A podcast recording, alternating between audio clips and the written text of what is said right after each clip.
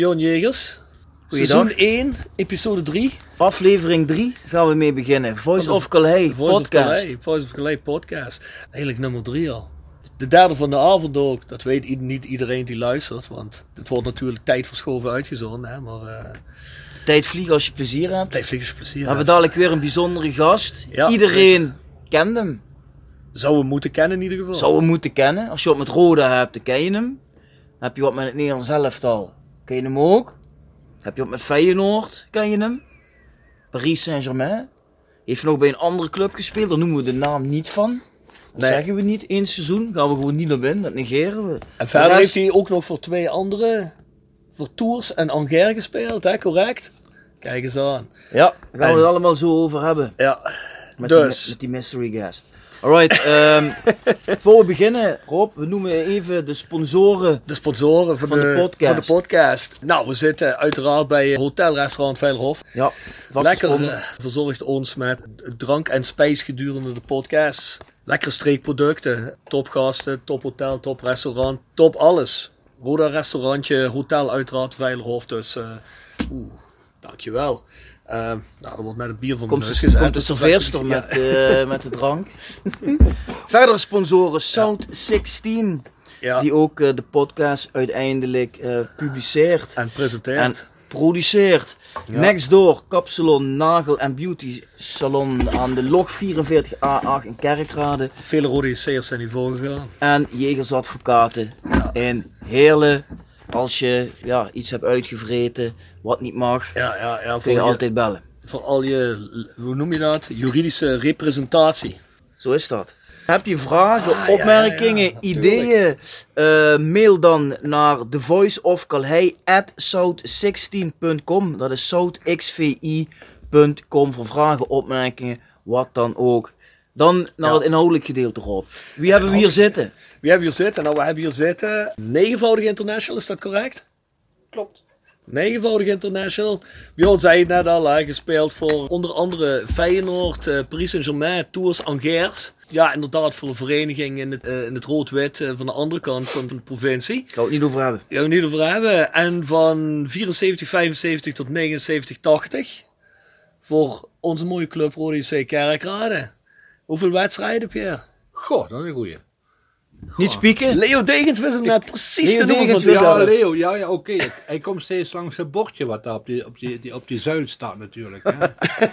Goh, waar hang ik nog eens? Even kijken, ik hang bij de vrienden en eh, dat bordje van mij is gestolen. Jaren. Jaren. En dan denk ik Heeft toch, Tom Canada goh, meegenomen. Er is één speler waar geen bordje voor ophangt. Dat, dat is gestolen, die van mij. Schande. Schande. En waar, waar hangt dat bordje dan? Waar de zou het vrienden. moeten hangen? Bij de vrienden. Ja, aan, aan de bar. Aan de bar. Ja, dus het moet eh, Een dronken vriend van volgens Roda. mij niet kwaadwillig gebeurd. Maar het is niet zo. Pierre, dat je regelmatig op internet zit, Google, en je gaat dan Pierre Vermeulen zoeken. Ja. Doe je dat Ja. wel eens? Ik denk dat ik in de 150 wedstrijden heb, schat ik. Ja, dat vind ik goed. Kom dichtbij. 155. Kom dichtbij. 155. Weet je Hoeveel wel een aantal goals in al die... eh, doelpunten? Goh, ik had er gemiddeld 8, 9 per seizoen. Waarvan één met 16, 17 doelpunten. Ja, echt waar. Echt waar, is niet gelogen. Maar dat was het feit dat ik namelijk geblesseerd was. Dus dan moest ik in plaats van die eh eh, Voorzetten. moest ik hem zelf in de kruising schieten natuurlijk. Lukte vrij aardig dan, hè? Ja, tuurlijk. Ja. Ja, ja. Maar mijn truc was, ik, ik schoot met een slechte been. Dus de keeper wist niet waar die bal kwam natuurlijk.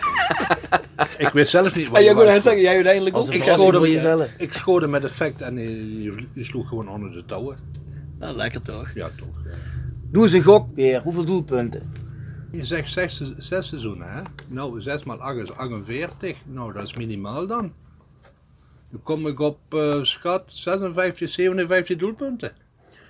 Go- eh, ja, Wikipedia zegt 47 doelpunten. 47 maar. 47 maar. Waren ze altijd dan aanwezig toen ik Ja. eh, scoorde? Ja, waarschijnlijk fake news, vermoed ik, hè? Misschien, eh, Fake news. Ja, misschien moet het aanpassen. 47. Ja, ja misschien moeten we dat gaan Dat aanpassen. valt me een beetje van Vermeulen tegen dan. Op zich. Ja, Dat is wat je zegt, hè? Je was, hoeveel assists? Dat had ik wel willen weten. Ja, god, hoeveel assists. Moeten, moeten er waarschijnlijk meer geweest zijn, hè? Oh, god, we hebben er heel veel gewonnen, hè? Goh, er zaten wel veel assists bij natuurlijk. Maar het... Ja, een assist komt altijd onverwachts, hè. Dat schrijf je niet op. Nee, tegenwoordig heb je natuurlijk veel meer statistieken daarover. hè? Ja, dus eh, dan heb je eh, 15 pogingen of zo, hè, snap je? Dus, Ja, ja, bij mij iedere poging moest precies komen natuurlijk. Want Ja. eh, ik had natuurlijk backs tegenover mij die eh, natuurlijk, eh, die wisten wel hoe die Vermeulen eruit te schoppen een beetje. Dus jullie hebben het aantal assist ook. Nee, Ja, die hebben we niet. niet.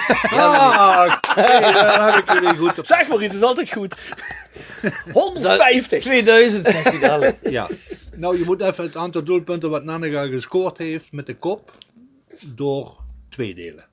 Oh, Dan Dat kom je het aantal assist. Want Ger van der Lem was de andere grootmeester op die rechterkant. Die, die kon zonder een man te passeren een goede voorzet geven. ja. Dus dat had hij voor op mij. Ja, Maar hij was wel eh, eh, eh, duurder als mij, denk ik. Ik kwam van Amsterdam af natuurlijk. ja, ja, ja. Qua reisgeld is dat heel goed. Nou, Leo, die zei, Leo Degens die zei tegen ons dat spelers uit de Randstad toch wel behoorlijk wat meer geld verdienen dan Ja. lokale jongens. Ja, ja, dat klopt. Ja, dat was bekend natuurlijk. Daar heb Ja. jij ook onder geleden. Ja. Maar, ja, maar, maar je had, had je geen zaakwaarnemer in die, in die, in die periode Ja, maar daar, daarvoor ben ik naar het westen gegaan natuurlijk. Hè. om het om te draaien? Voor de- ja, kijk, als de jongens van het westen eh, naar ons komen, ja, dan moet ik naar het westen gaan om het eh daar te verdienen. Compenseren, toch? hè? Ja, Compenseren. Maar werd, werd, werd er in die tijd bij Feyenoord, verdiende je toen wel ook al echt goed? Super, Voor die tijd. super. Nee, het is namelijk zo. Vroeger was het zo. Kijk, tegenover wat nou Ik proef allemaal- enig sarcasme. Nee, wat, nee, wat nou allemaal is, is eerst wat een speler zegt van als je gevraagd wordt door een grote club. eh zoveel wil ik verdienen. Maar vroeger was het zo, kijk als je bij Roda speelt, je bent een kerkraadse jongen en je, je kreeg de kans om in Rotterdam, in het westen te spelen, in de Kuip. Dan ga je niet over bedragen praten. Dan denk je van, kijk als ik daar ben, dan verdien ik sowieso aan meer. Ja, ze pakken meer punten, ze gaan voor kampioenschap en eh, die pakken die premies mee. Premies, ja. Ja, luister, dus je speelt Europa Cup sowieso al, dat is een mooie premie.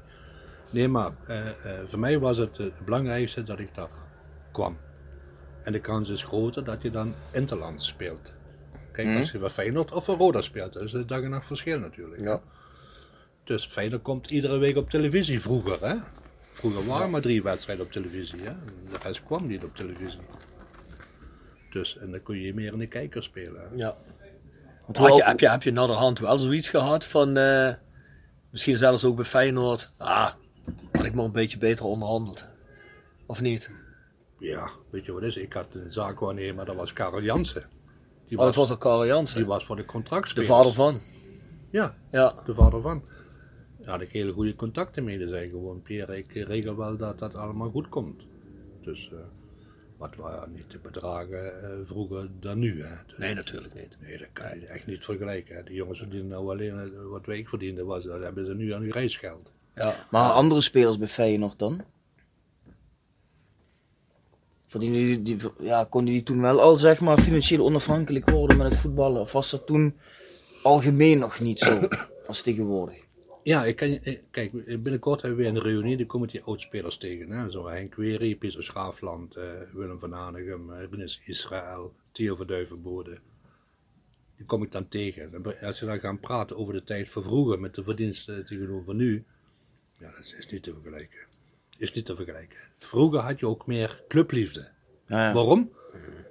Je werd, je, je- je werd geboren bij een club en daar groeide je op. En dus, maar wie heeft nou nog clubliefde van de spelers die nou nog voetballen? Bijna niemand meer. Het draait gewoon puur om geld en niet om de club. Daarvoor eh, zeg ik altijd, als je een huur, ja, dan ga ik van, misschien van het, eh, eh, van het thema af, of niet? Nee, vertel maar. Kijk, als nou een speler naar Roda komt, en dan komt hij eh, eh, eh, met de boot van Spanje, dan speelt hij één jaar bij Roda. Maar wat kun je in één jaar doen? En dan wordt hij weer, eh, eh, eh, daar hebben we het over Danilo. Hè, die speelt nou bij Porto. Nou, die heeft maar een half jaar bij Roda gespeeld, schat ik. Ja. ja, dat zijn jongens die, ja, die hebben niks met de club, toch? Nee, uiteraard niet. Nee, nee, die zien dat Zouden zij, als nog kijken, zouden zij nog kijken wat wij gemaakt hebben? op de vrijdagavond. Dat denk ik niet. Danilo Nee. toch niet in ieder geval. Nee. Nee. Dat soort jongens, eh, we hebben er genoeg gehad, die, eh, die komen en ze gaan. Die hebben niks met de club. Die zijn volgens mij nooit in een clublokaal geweest voor ons. Hmm. Weten jullie wat clublokaal van Roda is? Of Ja. vroeger was? Kijk, Rob, hè. Rob weet alles. Vroeger was. vroeger, vroeger had je de diligence, was een clublokaal. Oh ja, ja, ja. Ja, ja. Dus daar kwamen we voor de wedstrijd en na de wedstrijd kwamen we daar. En tussendoor werd er nog competitie gespeeld. Ja. Ja, maar dat was vroeger. Maar dat waren jongens, ja, die, die kwamen uit de regio en die waren allemaal betrokken bij, bij de club. Hè? Dus eh, kijk, en eh, als wij eh, over die twee dagen of drie dagen moesten spelen, dan waren wij al voorbereid zo van wat ons te wachten staat. En iedereen ging met de bedoeling om, het, eh, om er een feest van te maken op Kaleide. Ja, en ja, als je het feest op Kaleide hebt, je hebt gewoon een feest in de diligence. Hè? Dus Ja, ja. En, eh, en Wim Vreens draaide er toen al eh, de plaatjes. die zei precies als er iemand binnenkwam van eh, hij komt binnen. Hè? Dus hij wist iedereen eh, eh, wie bij Roda speelde en eh, eh, ja, hij, daar komt hij dan. Hè? Ja, ik zeg, ja, dan werd je bedolven natuurlijk eh, van, eh, eh, met de biertjes zo van, eh, hè, als je gewonnen hebt. Dus eh, dat zat wel goed. ja, dat klinkt goed. Hey Pierre, en toen, eh, hoe, ben je toen uiteindelijk bij Paris Saint-Germain terechtgekomen? Ja, ik heb gewoon de afslag eh, bij Luik eh, richting van een Schen gepakt. En, ja, dan kom, je, dan kom je na ongeveer twee uurtjes. Je hebt Parijs, dat is nog 150 kilometer. Ja, dan ben je bijna daar. Hè. Maar ik zal je vertellen. Als Kerkraadse jongen, je komt naar Parijs. En nou, dan, dan komt toch wat tegen hoor. Ja, want je spreekt natuurlijk alleen Kerkraadsplat op dat moment. niet alleen, eh, je staat meer uren in de file dan op het voetbalveld. Ja, zeker. Dus het is niet, eh, het is, eh, nee, je moet het zelf meegemaakt hebben om het, eh, om het eh, zeg maar, eh, ja, het gevoel over te brengen op iemand anders van wat is Paris Saint-Germain. Ja, luister, dat is, eh, ja. Maar het was ook het oude Paris Saint-Germain. Hè? Dat was Ja. volgens mij, eh, wat hadden ze maar één titel? Of jullie hadden de eerste titel, hebben jullie gehad toen? Nee, ze hebben mij gebeld van Pierre, kun je ons kampioen maken? Ah, Ja. dat ben je toen gaan doen. Toen heb ik de auto gepakt en Ja, ben ik Laat ik dat opgereden. maar doen. Ik had net één dag vakantie, want ik was eh, bij die andere club waar ik de naam niet van mag noemen. Dat hebben jullie ook niet genoemd. ik was in de tuin het gras aan het doen. Lekker en dan een biertje erbij op een pub en werd ik gebeld. En wie belde mij op? Henny Hollink, oude trainer van bij Roda. Ja? Hij zegt, eh, ik heb een eh, vriend, die is, een, eh, die is eh, bij Paris Saint-Germain trainer en die wil jou hebben. Ja, en dan eh, moet je antwoord geven natuurlijk. Hè. Dan sprong je gat in de lucht dat je bij die andere club weg. Ja, maar Paris Saint-Germain was in die periode, Was, nee, niet, van... eh, waren, wij, ja. waren wij als uh, Feyenoord zeg maar, of Roda, waren we beter als Paris Saint-Germain. Want- Ja. Want Paris, die speelde in die periode een beetje in de onderste regionen. Hè. Dus ja. Ja, Dus toen ben je ik- gaan kijken. ik heb die club eh, opgekrikt natuurlijk. Hè. ja, ja. Ja, dat was mijn, ja, dat was mijn taak. Want Henny Holling zei van Pierre, als je daar komt, ze verwachten wat van je.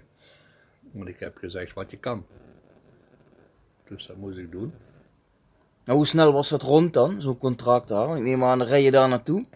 Ja, daar ga je naartoe en dan eh, moet je eerst een straat vinden eh, waar je moet zijn natuurlijk. En dan moet je, een- vroeger had je nog geen eh, eh, Tom-tom. tom-tom. Had je, zo'n, eh, had je de grootste bosatlas bij je? Of had je zo'n hele grote Ik had zo'n langkaart van, eh Ja. van prijs en eh nou, er staan duizend straten Ja, op natuurlijk. En dan gaan we beginnen.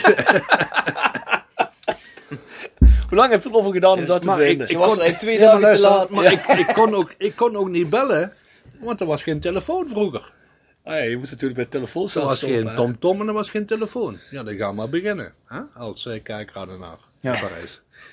Waar kom je dan terecht? Ergens. En dan hoop je op de goede plaats. En dan, eh, ja, en dan ga je praten met de president. Ja, die heeft dan een, een, eh, een bureau, een artiestenbureau. Ja, die eh, met alle Franse zangers eh, bezig is. En eh, ja, ben ik toevallig geen zanger, maar een voetballer. Maar eh, ja, die, die zegt van, eh, Pierre, eh, zoveel ga je verdienen. En hup, hup, hup. En oké. Was iets meer als Feyenoord. Ja. Dus Maar je moet niet vergeten wat daar hotel kost of een verblijfplaats in Parijs. Hè. Dat is drie keer zo duur als eh, Oh, maar Rotterdam. dat staat niet in de deal. Dus nee, nee, ik heb daar echt moeten huren dan. Hè. Ja. Ja. Dus in één, maand een huis huren, dat is eh, ongeveer, daar kun je een half jaar Rotterdam voor wonen. Hè. Ja. Oké, dus je kreeg wel gewoon een salaris, maar de, de, de, de woonkosten, de verblijfslasten, die moest je zelf dragen. Ja, maar dat zat in het pakket natuurlijk. Hè. En, eh, ja, Ah, ik moet zeggen, luister nou, eh, mijn doelstelling was altijd, als je bij zo'n club kunt spelen, en op dat moment was Frankrijk Europees kampioen geworden met Luis Fernandez, met Dominique Rocheteau, met Joël Bas in de goal. En toevallig, die speelden allemaal bij mij in het team. ja, ik wil zeggen, Fernandez spelen bij jou een team toen. Hè? Ja. Ja. Dus dat waren jongens die, eh, die kom je hier niet tegen in Nederland. Hè. Dat zijn Maar grote jongens, hè? Oh, dat zijn grote jongens. Hè. Ja. Oeh. Was dat vier- 84 toch, hè? Ja, Ja, zijn ze 84. Europees kampioen Ja. geworden. En ik kwam het jaar daarna kwam ik daar binnen. Maar het mooie daarvan is, ik kon geen Frans. Ja, ik kon wel Frans, maar En hoe eh, ging Frans dat? kon mij niet natuurlijk. Hoe ging dat dan? Handen en voeten? ja, dat is echt... eh, Ja. Of probeerde Ja. het Engels? Of hoe ging Nee, dat? maar stel, je hebt een bespreking hè, voor een wedstrijd in het Frans. En je verstaat er niks van. Ja, dan gaan we eens beginnen. Hè. Gaan we eens beginnen, dat is niet makkelijk. Maar Henny Hollink heeft mij goed, goed begeleid. Kijk, eh, na de bespreking eh, zat ik met, eh, met de trainer, met Henny. En Henny vertelde alles in het Nederlands wat ik moest doen, snap je? Dus ik, ik moest de corner nemen en zelf inkoppen. Maar wa- was die Hollingtaal dan een soort assistent-trainer of zo? eh, dat hij daar wel Nee, dat was een vriend van de trainer. Want die liep daar gewoon rond Ja, dan? de trainer was Gérard Houillet, hele bekende Ah, ja? trainer. Want Ja, die is, die heeft Liverpool nog getraind. Want die is door ons natuurlijk Ja. ook bij Liverpool gekomen. En Frans nationale elftal. Ja. Volgens mij Dus, Liverpool nog Europa Cup 3 of 2 gehaald. 3 volgens mij, hè, die Julier. Volgens mij één Europa Cup heeft hij gehaald met Liverpool, volgens mij. Ja. Ja, dat is. eh, Volgens mij wel. Volgens mij wel. dan moeten we in het archief gaan kijken. Ja, dat zou ik ook moeten gaan. In het Google-archief moeten gaan, maar volgens mij wel. Dan moeten we nog een plakboek erbij gaan Ja. halen. Nee, maar eh, ik heb geluk gehad dat ik de steun had van Henny Hollink. Die kwam eh weekend ja, mij assisteren. En hoe lang heb je daar gezeten bij eh, Paris Saint-Germain? Tweeënhalf jaar. Ja. Ja. Maar wat is de beste speler eh, die er behalve jou natuurlijk rondliep? Je had Safet Suzic, dat was een Joegoslaaf. Die was, eh, geloof ik, ook speler van het toernooi geworden in Spanje, geloof ik, als ik het goed heb. Ja, maar die gaf geen bal af. Nee, dat vond ik helemaal niks. Want ik heb, overal waar ik gespeeld heb, heb ik mijn supporters op de tribune gehad. En als ik Ja. het veld opkwam, eh, dan waren ze eh, eh, vermeulen en hup, hup, hup. En op een gegeven moment ja, was ik zo populair in Parijs. Er hingen de vlaggen op, want er waren veel toeristen die kwamen daar een weekendje naar Parijs toe. Hè?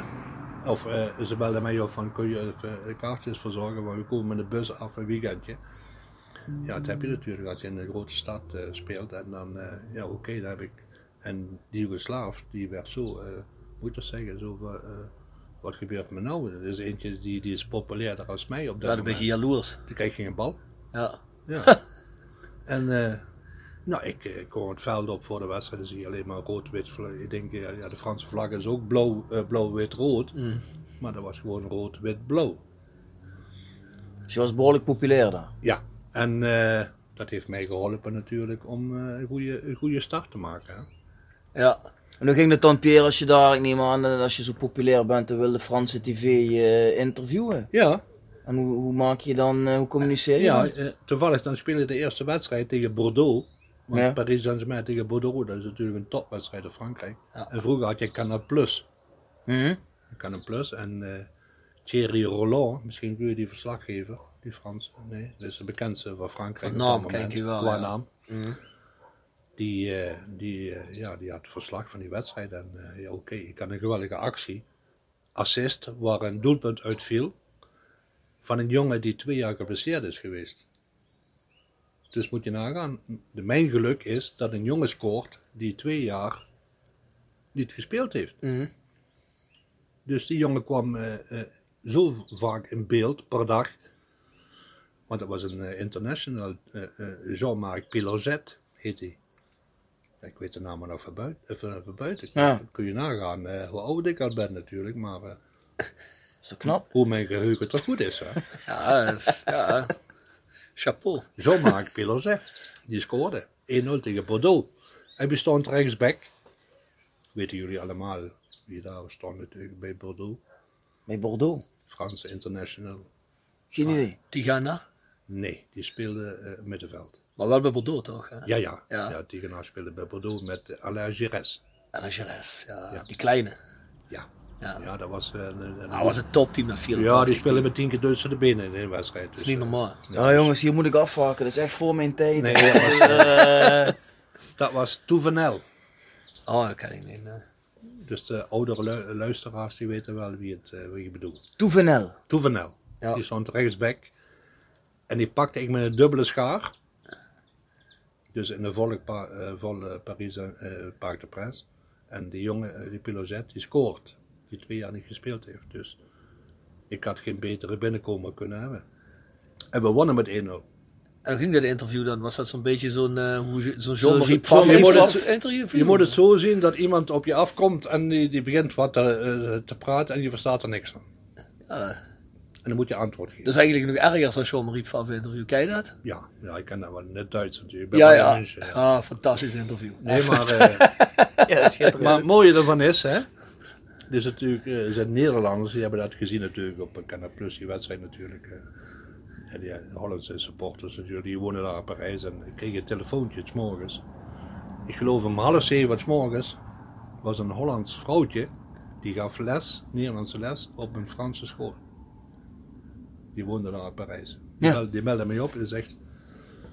Allereerst wil ik je feliciteren dat je, dat je gewonnen hebt, maar op de tweede plaats... dat Frans, dat was niks. Zou ik je bijlessen aanbieden? Ja, dus zeg, hoe, hoe laat kan ik langskomen voor de eerste les? Ik zeg, eh, eerlijk gezegd, ik had vroeger op school ook Frans natuurlijk. eh, En had ik een slechtste punt natuurlijk, want ik verstond niks. Maar eh, ja, de vrouw heeft mij les gegeven. En die heeft mij op televisie gezien en gezegd van die Vermeulen moet ik even bijles geven. ja.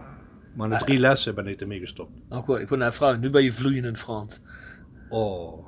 Nee, maar ik versta alles in het Frans, maar praten is, eh, als ik een paar biertjes op heb, gaat het makkelijker. Dat is een mooie taal, hè? Ah oui, monsieur. Ja, ja, ja, ja, ja, ja. Hey, maar Pierre, ik, heb een, eh, ik, ik las een anekdote en eh, ergens een interview van jou waar je zei over die Paris Saint-Germain tijd. Dat jullie een een of andere sponsor hadden. Die zei tegen jou ooit, eh, nou, eh, per schaal betaal ik je een x Ja. bedrag. Nou ben ik toch, nou ben ik toch benieuwd Ja. hoeveel jij naar die wedstrijd gekregen hebt. Dat was een Amsterdammer, die had een, eh, die had een kindermerk, Naf Naf. Ja, ken ik. Ja, ja, Ja, kun je dat? Kledingmerk. Ja. Ja, ja. ja, ja. En Naf Naf, eh, dat kwam uit Parijs. Ja. En natuurlijk, na een wedstrijd, als je voetbal hebt, dan eh, eh, die komt je feliciteren, die komt je feliciteren, die komt je feliciteren. En Ja, dan kwam een Nederlander en zegt van, eh, ik heb genoten van je, maar godverdorie, die schaar van jou, die is geweldig. Kun je de volgende keer ook weer doen, een paar keer? Ik zeg, jij doet het niet zomaar. En, eh, ik wist dat dat een zakenman was. Ja, ja, natuurlijk, zeker. Dus je moet er alles van profiteren natuurlijk. En ik zeg, eh, per schaar doe ik dat. Ik zeg, de dubbele schaar kun je eh, eh, net zo rekenen als één schaar. Je hoeft niet twee keer te betalen. Maar ik zal je vertellen. Ja, dat is een ding. Dat heb ik nou altijd in mijn kop zitten. Maar toen we in de rust naar binnen gingen. Ik keek natuurlijk naar boven. Ik wist waar hij zat in die VIP natuurlijk. Toen was hij aan het zwaaien zo van eh, stoppen. Stop. Toen heb ik ook geen schaar meer gemaakt eigenlijk. En eh, ja, daar was hij blij mee natuurlijk. Heb je gewoon ook gewoon scharen gemaakt op het moment Ja, dat je dacht, ja, hier ja. moet ik geen schaar maken. Hij gaf maar- voor een schaar gaf hij een x bedrag. En, eh, maar ja, we hebben het zo gedaan dat ik kleding heb gekregen van hem. Ah, oké. Ter waarde van een bedrag. En, Ah, goed. dus, eh, Die afspraak was maar voor één wedstrijd. ja, Maar je was in ieder geval wel goed gekleed na die wedstrijd. Ja, maar... Of was het kinderkleding, Ja, kinderkleding. Ja, ik heb iedereen eh, eh, in Nederland heb ik gebeld. Zo van, eh, kijk eens, ga naar de winkel en kijk van naf wat je, wat je mooi vindt of Ja, dat. ja, ja. En eh, eh, geef mij de, de, de maten door en de dingen. Dus dan heb ik dat allemaal eh, gekocht voor de, voor de Nederlandse eh, familie. Mooi man. Dus, eh, Heb je, maar ik wil je, ik heb, ik heb, ik heb, nog een- ik heb één vraag over die Feyenoord tijd. Hè. Nou, eh mij heeft dat altijd, ik heb dat altijd bizar gevonden dat die, eh dat die, eh dat die Cruijff dat niet in jou zag zitten. Dat was toch eigenlijk ook iemand van, eh, van het mooie spel, hè? ja, En dat vond hij, dat vond hij te, niet effectief genoeg. ja, luister. eh, zoals één seizoen bestaat hij uit twee helften. Ja, Ik heb één helft met Cruijff gespeeld. Mhm. En op de andere kant speelde een, een, een, een zekere Ruud Gullit. Ja. Ja, die kon er ook wat van. Hè. ja, een beetje voetbal kon hij wel. Redelijk, eh, redelijk. Dus ik zat met, mijn- met mijn schaar op links en Ruudje zat met zijn snelheid en schot op rechts. En Johan Cruijff, eh, die, die- kwam het een beetje verdelen dan. Hè? Zo van, jij doet dat en jij doet dat en dat. We waren gewoon te sterk. Ja. Nee, maar was, het was in wezen niet meer leuk. En met de rust was het, was het gelopen.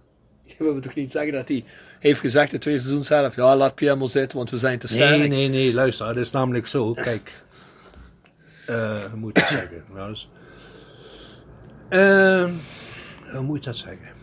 Ik moet het wel goed gaan formuleren hoe het eigenlijk gegaan is. Want de eerste wedstrijd na de winterstop kreeg ik een, eh, bij een oefenwedstrijd een stamp in mijn rug. Die heb ik zeker vier, vijf weken niet gespeeld. Niet kunnen trainen. Kijk, als je niet traint en niet speelt, heb je altijd een jongen die op je plaats komt. Uiteraard. Ja. Kijk, en als die jongen toevallig eh, in dienst van Johan gaat spelen en eh, zich eh, defensief opstelt en eh, hij zegt van, hè? Johan, ga maar lekker daar, ik doe het verdedigend zo en dan, ja, dan, ja, dan sta je als linksbuiten, want we zeggen, als ik, toen- ik fit werd, ja, dan heb je een probleempje, want die jongen speelde dienst van Cruijff. Ja. Kijk, ik heb niet in dienst van Cruijff gespeeld, want ik speel mijn eigen spel. Kijk, ik heb mijn, ik heb mijn kracht nodig eh, voor die acties, want er gaat zoveel kracht in zitten. Als ik ook nog loopwerk erbij moet gaan doen, Ja, ja. gaat de kosten van mijn snelheid. Van, mijn, van mijn startsnelheid, Ja. snap je? Dus dat is het hele geval. Dus die jongen die speelde in dienst van Cruijff. Maar is het dan eh, Maar we eigenlijk... hadden, we hadden zo'n grote voorsprong al in de competitie dat we al, eh, bijna kampioen waren. Maar was Cruijff dan op dat moment als speler ook al degene die een beetje bepaalde wie speelde en niet? Wie, wie, want wie was de trainer dan op dat moment? Ja, dat is de trainer. Ja, dan moet ik even goed gaan nadenken. Wie was dat toen in die tijd? Ja, ik eh, ben begonnen bij Feyenoord, dat was Jezek. En toen, eh, even kijken, nadenken. Goh, wie was die trainer nou? Goh. Kunnen we een time-out maken? Of, Ja. eh? Moeten we even gaan, eh, moeten we even gaan even- graven ik denk en ook- googelen. Maar, Maar, ik denk, maar eigenlijk denk dus- sowieso, als, als Dat zegt in wezen al genoeg hoe goed ik de trainer vind. Ja, ja. Als ik de Nee, precies. vind. Maar ik dus denk- eigenlijk bepaalt Cruijff dan toen al een beetje van wat er reilde en in zo'n elftal. Ja, tuurlijk. Het lijkt me sowieso. Goh. Ja, Johan. eh, Als Johan Cruijff komt voetballen, dan luister je denk ik ook naar Johan Cruijff. Hè. ja, Ik hij zat, hij zat naast me in de kleedkamer, dus eh, ja. Kun je een beetje mee horen met die Cruijff of niet? Nee, dat was een jong die was echt eh, super serieus. Echt super serieus. Ook altijd zo van eh, super geconcentreerd en daar kon je niet mee dollen. Ik heb Willem van Hanegem, daar kon je mee dollen. Ja, Hè, dan kon je over- Truus praten, een beetje en over dat. En, eh, maar die was toch al gestopt in jouw tijd of niet? nee, daar heb ik mee gespeeld. Heb je mee gespeeld, ja? Ja, tuurlijk. Oh, dat wist ik niet. Ja. ja ik heb je toch afscheid- wel eh, met de twee grootste Nederlandse voetballers gespeeld? Ja, maar Willem die kon er ook wat van hoor. Ik Dat zeg ik toch, de twee grootste? Ja. Ja, Ruud Gullit was ook geen slechte. Ja, uiteraard. Maar ik denk dat over het algemeen. Hè, denk ik Ja. toch wel dat Nederland, Ja. Willem van Hanegem en Johan Cruijff, dat Ja, zijn twee ja. beste voetballers. Hè. Ja, Cruijff Willem uiteraard ook. Hè. Ja, dus eh, nee, maar eh, het is, eh god, ik weet niet meer waar, waar, waar hadden we het over eigenlijk. Over Cruijff. Nou, je was nog het graven wie de trainer was in die Ja, periode. ja, ja, maar ik we- zit nog te denken. Ik zit nog te denken, misschien ja, misschien daardoor. val het je straks in, Was Pierre. het Thijs Liebrechts misschien? Ja, Thijs Leeuwenhuis. Ja? Ja. Je hebt je goed Ja, voorbereid, Rob. Als je, als je, Ja, als je je hebt dat is ook goed voor het voorbereid. eerst. Dat is ook voor Je het hebt je eerst. goed voorbereid. Ja, Ja, luister, hè, Nee. hè, met, de, met, de, met de hak over de sloot het eindexamen, hè, maar dit, eh, dit krijg je wel goed voor elkaar. Weet je wel, weet Ja, je ik kom, ik kom Thijs Leeuwenhuis vaak tegen op een reunie, hè. Ja, En dan eh omarmt hij me, weet je, als je me ziet en zo. zo dan zeg je, Pierre, je kent me niet, dat was in het jaar van Cruijff. Toen ben ik niet opgevallen, maar, nee, maar- ik was je Ja, ja, trainer. ja, Dan moet ik me een beetje inhouden, weet je. Dan denk je van, eh, Thijs, eh, je bent een leuke, leuke man, maar... eh, Trainingstechnisch was het Kijk, we zijn nou bij een reunie, dan gaan we geen ruzie maken. Nee. En, Laten we beschaafd houden. laten we ons, eh, laten we ons eh, goed... Hey Pierre, en dan, dan zie ik, hè, dan heb je bij PSG gespeeld. Ja. En daarna ga je naar een club, ja, ik kende het zelf niet. Tour? Tours. Tours. Ja. Vertel eens, wa- wa- wat, is dat voor club? Luister, je hebt een wielerklassieker in Frankrijk. Die heet Parijs Tours. Ja. Ja? Dus ik heb ze zien vertrekken en ik heb ze zien aankomen. Hij, hij heeft, hij heeft ja, je hebt één keer die wielerwedstrijd meegedaan en dacht dat was te lang, blijf ik hier. Maar spelen die ook in de hoogste afdeling van, eh, van Frankrijk? Die speelde in de tweede klas. In de tweede klas? Ja. Ja. Ja, dat je hebt eenmaal, eh, eh, eh, oké, dat is nu eenmaal dat, en die waren ze- zeer enthousiast, want wie was nou trainer bij Tours geweest? Ja, kijk nog op de die- afdeling. Thijs? Liebrecht. Ja, nee, nee, nee, nee. Henny Hollink. Oh, en die- Ah. Ah, ah, dus toen was dat Dus, ook wel een beetje ja, vriendjespolitiek, hè? vriendjespolitiek. En wie je Dus die kent, die was haalt je, eigenlijk hè? min of meer je zakenwaarnemer als ik dat zo hoor. Of nee, je die stuurder. van, eh, ja, dus Ja. op een gegeven moment eh, ben ik daar terechtgekomen. Want die club speelde toen in dat seizoen 2, die speelde eh, zeg maar degradatie. Maar was het voorbij bij eh Paris Saint-Germain?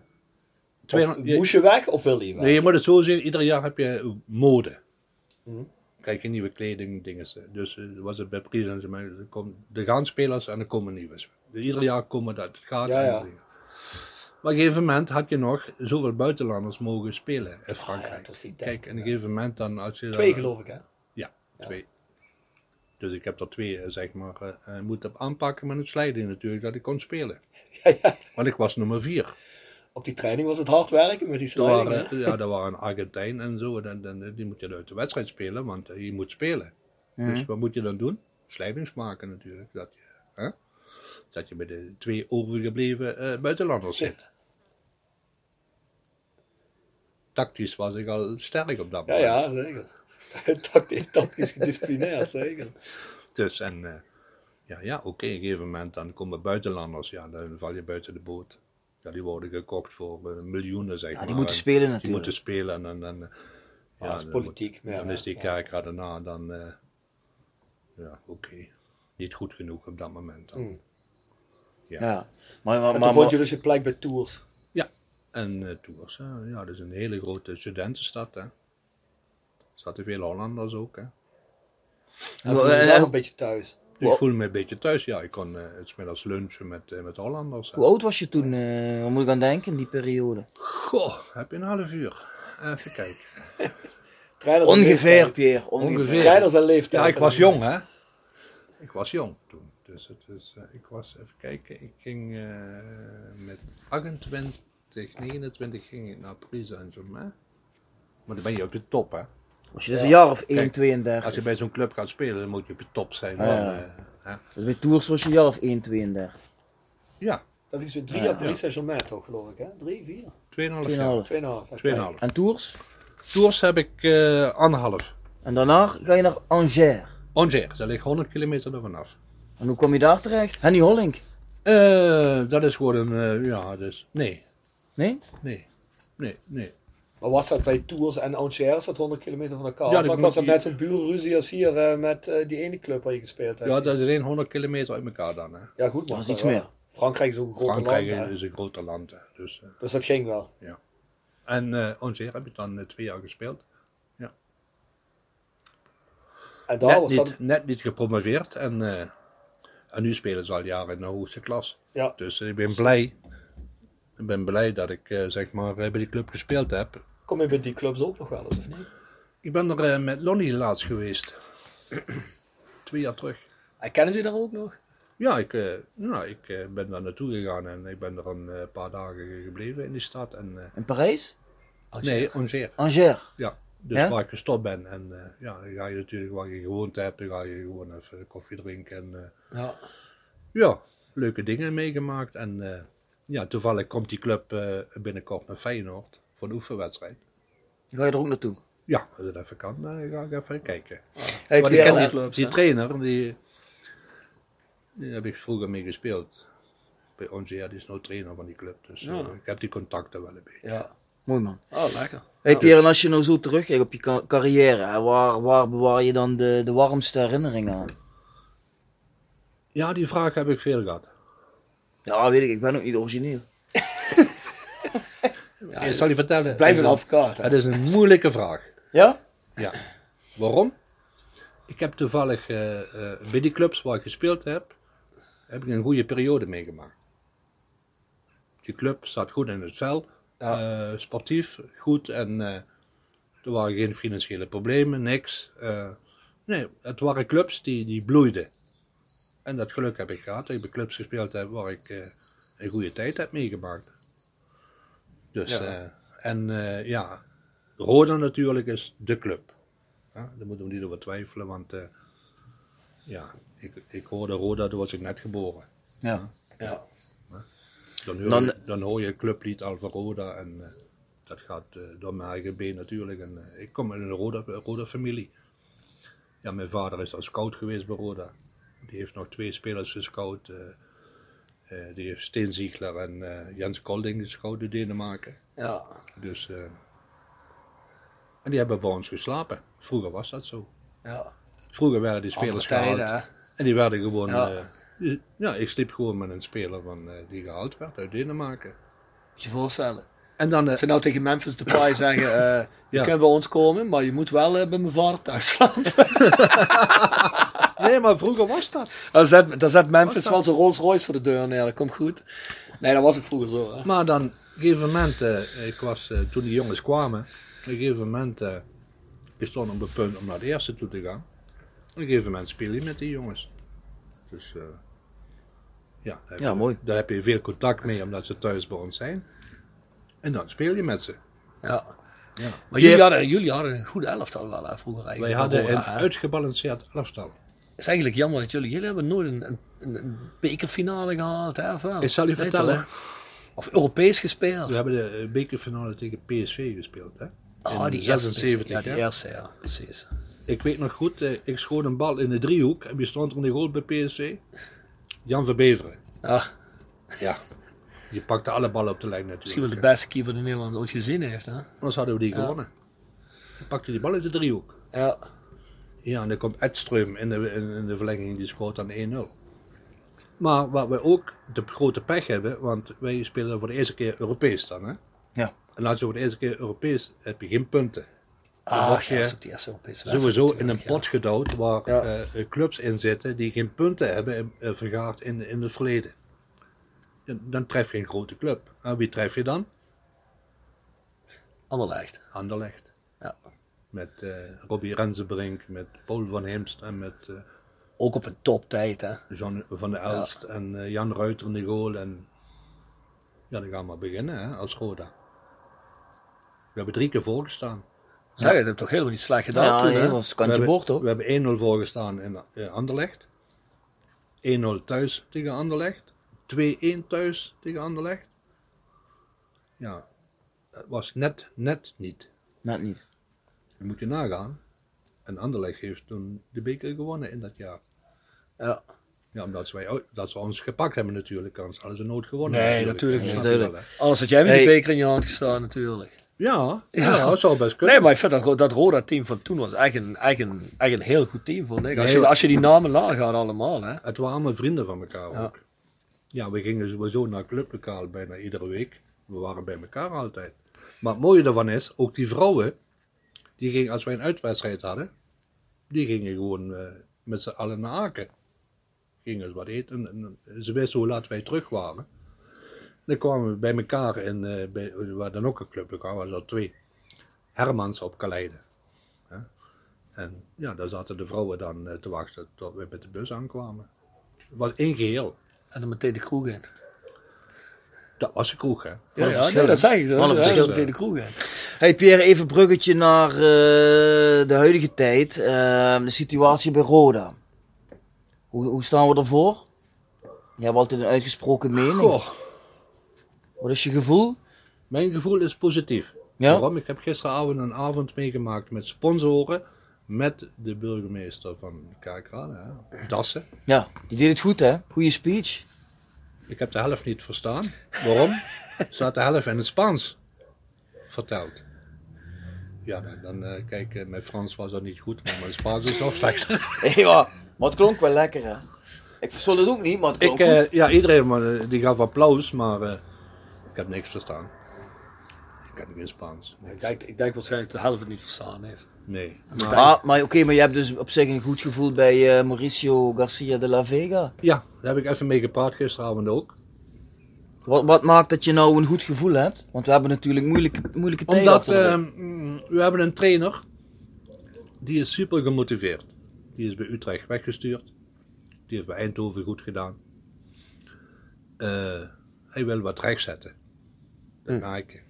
Komt goed over, hè? Ja, hij is zeer gemotiveerd. En hij wil met die groep eh, naar de Eredivisie in. Hij heeft gezegd van, oké, goed, ik kom eigenlijk in Utrecht, er zit ook mijn gezin, hè, maar ik ga wonen in Heerlen. Ja. Wel dicht bij het station, kunnen, kan de familie op bezoek komen, maar ik wil hier fulltime zijn. Ja, Ik wil aan de slag. ja, ja, ja, dat straalt hij uit.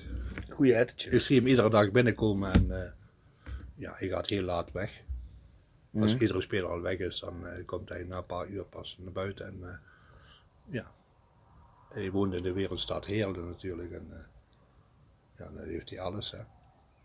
Wat wil je nog meer? Wat wil je meer? Ja, ja, heb je ook met Mauricio gesproken, Pierre? En Garcia de la Vega zelf? ja, daar heb ik gisteren even mee gesproken. In. Spaans neem ik aan. Nee, nee, nee, nee, ik kon, ik, kon Frans. Oh, Dus zou je maar denken, waarom praat je dan Frans? Nee, maar mijn Engels is niet zo goed. Wat, wat, wat, wat, wat voor, wat voor Ehm. idee heb je bij die man? Eh, heb ik een beetje in het Frans kunnen praten met hem. je wil echt in het Frans gepraat. Ja, echt in het Frans. Oké, echt waar, oké. echt waar. Nee, nee. Er stonden mensen bij die hebben het meegekregen, dus... eh, Ja, goed, goed. Zaten jullie wel op één lijn? eh, ja, tenminste eh, waar we het over hadden, we hadden het over de fanshop. Want eh, de laatste tijd gaan geruchten dat de fanshop eh, ingekrimpt wordt. Ja. En daar had ik het over met hem. Maar je zegt geruchten, is het dan iets wat niet gaat gebeuren? Of, ja, wat in de je- toekomst, ja, dus eh, wat vanaf 1 augustus wordt het ingekrompen. Mhm. Kijk, we zijn een Eredivisieclub, maar als wij zeg maar op het tweede plan in de keuken attributen spelen, dan ja, heb je de helft minder supporters en eh, ja, de helft Koop je ook minder. merchandise natuurlijk. Je- Dus eh, en daar heb ik het eh, even met hem over gehad. Maar hij zegt van, eh, we gaan binnenkort even rond de tafel zitten, kop koffie drinken en daar gaan we het over hebben. Ja, dus het, eh, dat was de bedoeling en eh, ja, daar heb ik gisteren even mee over gehad. Ja. Hey Pierre, en als we nou kijken naar het elftal, hè, want we, ja, we hebben nu eigenlijk alleen maar eh, jonge jongens van eigen kweek. Wat, wat, wat hebben we nog nodig? Ja, we hebben eigen jongens, eigen kweek, maar eh, weet je wat het is? Vroeger was het zo, hè, nu is het ook nog zo. Kijk, jeugd, als een jeugdspeler doorbreekt, dan wordt hij opgevangen door ouderen. En dan wordt hij gecoacht van, eh, oké, dat zijn de eerste stappen op het eerste. Kijk, maar de jongens die zijn daar neergezet. Zonder jongens die, eh, zeg maar, hun deden coachen. Mhm.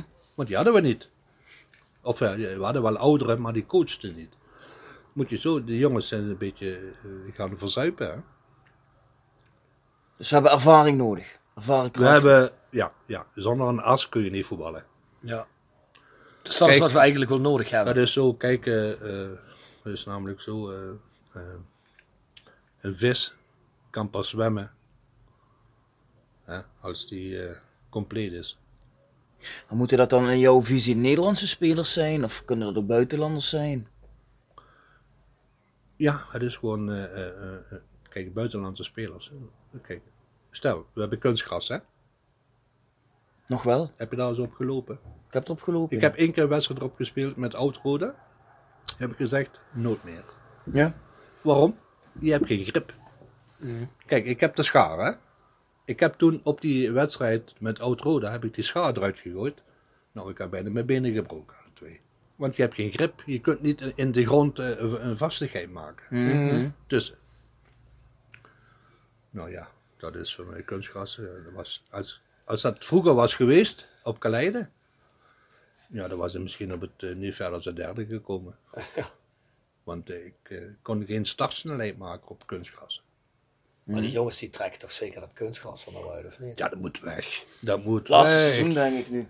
Ja, maar waarom ligt dat er nog altijd? Ik bedoel, kijk, als je, als je, als je probeert de club weer rustig niet met heel gekke dingen maar op te bouwen. Ik bedoel, dat, dat, dat, dat kunstgras, dat is toch op, voor allerlei redenen. moet er toch Ja, gewoon maar ik denk, ik denk dat het kunstgras op dit moment gewoon geen prioriteit heeft. Dat ligt er nog, dat is over een jaar bij wijze van spreken afgeschreven. Dan moet hij eruit. Ik vind dan wordt er kunstgras, gras ingelegd. kunstgras voor amateurclubs. Ik vind het wel Jongens die een uurtje willen voetballen. En eh, kijk, voor amateurclubs is kunstgras ideaal. Waarom? Je kunt er dag en nacht op. Je ziet niet dat er iets gebeurd is. Mhm.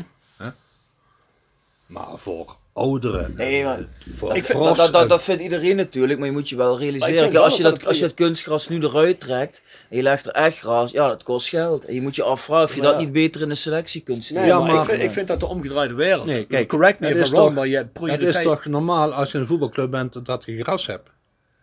Ja, oké, maar als je, al, gras kun je niet maar als je al voetballen. vier jaar kunstgras hebt, Ja, maar Bjorn, hoeveel mensen, hoeveel spelers bij Roda zijn niet al bezeerd geraakt door dat Ah, kunstgras? ja, ja, dat, is, dat Nee, is kapitaalvernietiging. je hebt geen complete Kijk, selectie. van mij, van mij mag het liever vandaag dan morgen eruit. Ik maar vind goed, dat- ik kan, ik ik vind kan me ook voorstellen dat iemand komt en zegt van ja, dat, als je dat nu op zo'n korte termijn moet regelen, dat is het maar de vraag of je het geregeld krijgt en het kost veel geld. Ja, laten we dan dit laatste seizoen ja, maar hoeveel geld kan dat nou kosten? Nou, ik denk dat dat wel een fixe investering is. Wil je naar een... Waar eh, hebben we het dan over? 15.000 euro? 100.000 eh, kom euro? je niet meer daar, denk ik. Nee? Nou, luister, we hebben de beste eh, eh, grasmensen hebben wij in Kerkrade wonen. Hè, we hebben eentje die gaat eh, alle golfbanen, alle greens maken door heel Europa. Hè? Die is van Rode, die ken ik toevallig. We hebben de beste groundsmen die, die, die golfbanen leggen en ja, die kunnen ze ook wel in grasveld neerleggen. Ja. Ja, daar hoeven geen putten in, hè. Zeker. Zeker. En ik, ik begrijp dat niet, want ik vind het wel een prioriteit. Want het is ook in het verleden al bij spelers een reden geweest om niet te komen.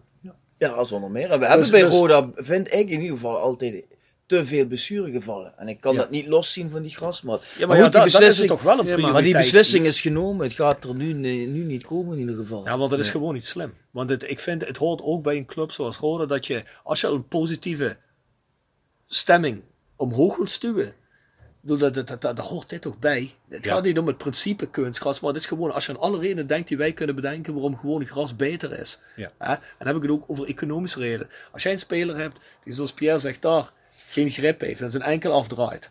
Hè? En hem op, op, op, op drie plekken zijn, banden scheurt. Ja. En die jongen die is voor Ja. twee, drie jaar is eruit. En die jongen Ja. heeft quasi, ik weet niet hoeveel geld gekost. Kapitaalvernietiging geld Ja. weg. Had je een grasmatje voor kunnen leggen. Ben je al klaar. De beste profs die hebben startsnelheid nodig. Pierre, ik geloof dat we hier onze nieuwe algemeen directeur hebben horen praten, toch? Daar heb ik gisteren mee gepraat. Ja, hopelijk niet. niet. Ja, ik heb met Ralf gisteren gepraat en eh, Wordt hij dat ook? Ja, volgens mij is een jongen die, die, die weet wat rode betekent. Het zou in ieder geval jouw goedkeuring hebben, laten we het Ja, zo zeggen. ja, ja, ja, ja. Over wie hebben we het dan? Heel eventjes. eh, Ralf Krewing.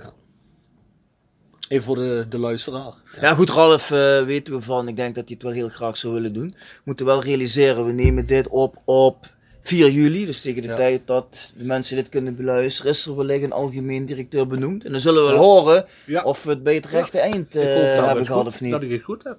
Ja. Want ik vind hem, eh, ja, ik ken hem al lang. Rode man en eh, ja. Kijk, als je burgemeester bent van Heerlen, dan kun je er Weet je zeker iets wel, van besturen, dan moet je wel, kun je ruzie bij Roda komen, toch? Nu zijn Dat er ook is mensen, ja. nu zijn er ook mensen, ik vind het zelf geen probleem, maar die zeggen van ja, misschien moet je geen supporter op zo'n plek zetten. Het zou misschien iemand moeten zijn die juist niet zo emotioneel met de club verbonden is. Ik denk, ik denk zelf dat het meer gaat om kwaliteit. Als je Dat supporter bent, vind ik dat geen probleem. Nee. Heb je, daar zelf, heb je daar zelf een mening over, Pierre? Nee, ik vind dat, ik ken hem, ik ken hem, eh, kijk bij hem eh, op zijn kantoor in het gemeentehuis. Ja, straalde alleen maar Roda uit. Alles wat ophing, eh, Ja. alles eh, Roda. Dus, dus hij is al heel eh, eh, eh, eh, ermee bezig geweest al, denk ik. Hij heeft zijn kantoor al ingericht al met Roda spullen. Dus Waarom zou je een man, als hij echt capaciteiten heeft. Kijk, ik denk dat het, het, het, het, het argument, daar hoor ik al de mensen komen, het argument Wim Collar, ja, die was ook supporter. Ja, dat geloof ik allemaal wel, maar Wim Collar was een financieel man. Ja, Dat was geen algemeen directeur. ja, Wim En ik denk als jij iemand heeft die, die, die burgemeester is geweest, die is eigenlijk algemeen directeur Ja. van een stad. Ja. Hè, Ja. Dan denk ik, dan, daar hebben we het over een heel ander, ander soort hè, ander Ja, soort functie, dan, toch? Dan moet, Hè? dan moet je al met alle partijen overweg kunnen. Toch? Ja. Ja, denk ik wel, ja. Dus, Kijk, we en, hebben ook tijden gehad dat mensen bij Roda werkten en die waren bijvoorbeeld fan van PSV of Feyenoord. Ja, ik vind dat zelf minder. Want wil je de club goed verkopen, moet je toch een beetje het Roda-gevoel kunnen overbrengen. Ja, hè? Ja. dat zeker. Dat zeker. Kijk, je, zult zeker wel eens op een plek, eh, zal het niet 100% kunnen zijn, maar het moet wel overwegend zo zijn. Ja, Ja. ja, ja. Maar daar even op inhaken, Pierre. Je hebt natuurlijk eh, de laatste eh, de tijd dat het een beetje de teleurgang van de vereniging heb je natuurlijk van heel kort bij meegemaakt, elke Ja. dag op het stadion. Ja. Heb je nou een beetje het gevoel dat langzaam de sfeer begint om te slaan, ook onder, het, onder de, de, de, de, de arbeidsnemers in het, in het stadion? Of is dat toch nog een sfeer van Nee, iedereen er zijn, zegt van... er eh, zijn er heel veel vertrokken natuurlijk. En Ja. kijk, het is namelijk zo, als de pot leeg is, dan hoeven ze niet te ontslaan, dan gaan ze vanzelf weg. ja, ja. Ja, Dus mensen dat- gaan natuurlijk eh, een inkomstenbron zoeken. Want ieder nadeel heeft ook zijn voordeel natuurlijk. Wie zei, wie zei Ja. dat ook alweer? Ja, ja, wie was dat nou eigenlijk? Ah, die wordt hier toch door onze gasten regelmatig gequote. Hè? Leo Degens had hem ook al drie keer. Dus, eh, Ja, ja, ja maar eh, ieder nadeel heeft ook zijn voordeel natuurlijk. En, ja, normaal kijken die mensen niet weg en nu mensen, zijn ze gewoon vertrokken. dus je bedoelt, eh, het, was eigenlijk, het had eigenlijk iets goeds in zich. Omdat die mensen die eigenlijk niet zo pasten, Ja, nu eieren voor hun geld hebben gekozen. nee, de, ik heb dat sinds gisteren ook, ik heb dat gevoel ook met andere supporters gisteren gedeeld een beetje. Die vroegen ook van Pierre, eh, is er een, eh, is er een eh, omslag bezig? Ja, ik merk dat. Oh, dat, is, dat is goed. Ik merk dat omdat die mensen die, die nu in het stadion zijn, die zijn met een product bezig om alles goed te maken, beter te maken en eh, Roda eh, naar voren te brengen. Nou, Dat, heb ik, dat gevoel heb ik. dat is wel eens anders geweest. Hè? Nou, dat, Ja. dat is in ieder geval positief. Nee, dat, eh, kijk, ik heb, eh, ik heb de laatste dagen meer over voetbal gepraat met eh, die bestuurders dan eh, jaren bij elkaar met anderen. Ja. Ja. Dus dat geeft mij een, een gevoel van eh, hoe ik er tegenover kijk. En eh, dat vinden zij eh, ja, nuttig. Kijk, die zeggen ook van, eh, je hebt overal een beetje gevoetbald, je weet wat nodig is om tot een prestatie te komen. En eh, ja, ze luisteren en eh, ze vragen van, Pierre, eh, ja, Heb je dan het idee beter? dat je meer gewaardeerd wordt ja, dan in het ja, verleden? meteen. Ja, ja, in het verleden ben ik, ja, hoe moet ik zeggen, ja, eh, je, je bent met de club bezig. En als je met de club bezig bent, doe je van alles. Je wordt gevraagd voor, eh, eh, noem maar op, scholen bezoeken, weet ik wat, alles, alle- of naar het ziekenhuis van een supporter, weet ik wat. En je hebt mensen van, zieke mensen die zeggen van, Pierre, ik, wil nog even met je praten over dat ik, het ergste gebeurt. Hè. Dat soort dingen. En, maar we zijn nu ongeveer op het punt beland dat we zeg maar echt eh, de richting naar boven kunnen, kunnen pakken. Mhm. Heb je gevoel Ja, dat, eh, dat, dat eh, dat gevoel- de gifbeker nu echt Ja, leeg is? dat gevoel geeft mij dat mensen nou aan het roer staan die echt zeggen van oké, nou gaan we. Ja, en Ah. ik vind het voor Roda alleen maar blij dat, dat, dat mensen die, die, die de club alleen maar omhoog willen stuwen. Ja, dat is alleen maar goed voor ons, toch? Zeker. Ja, wat, ik, wat ik nog van je zou willen weten, hoe, hoe staan we ervoor qua seizoenskaartenverkoop? Eh, ik doe mijn werk zoals ieder jaar hetzelfde. Dezelfde mensen komen ook altijd verlengen. En eh, de aantallen zijn altijd hetzelfde voor mij. Ik eh, doe gemiddeld per dag tussen de 35 en 40 seizoenskaarten. Dat was vorig jaar, dat was het jaar daarvoor en dat is altijd geweest. Dus ik heb mijn aantal wat ik doe is hetzelfde. Denk je wel dat veel mensen nog de kat uit de boom kijken in de zin van eens kijken wat Roda voor nieuwe spelers gaat halen voordat ik pas ga verlengen?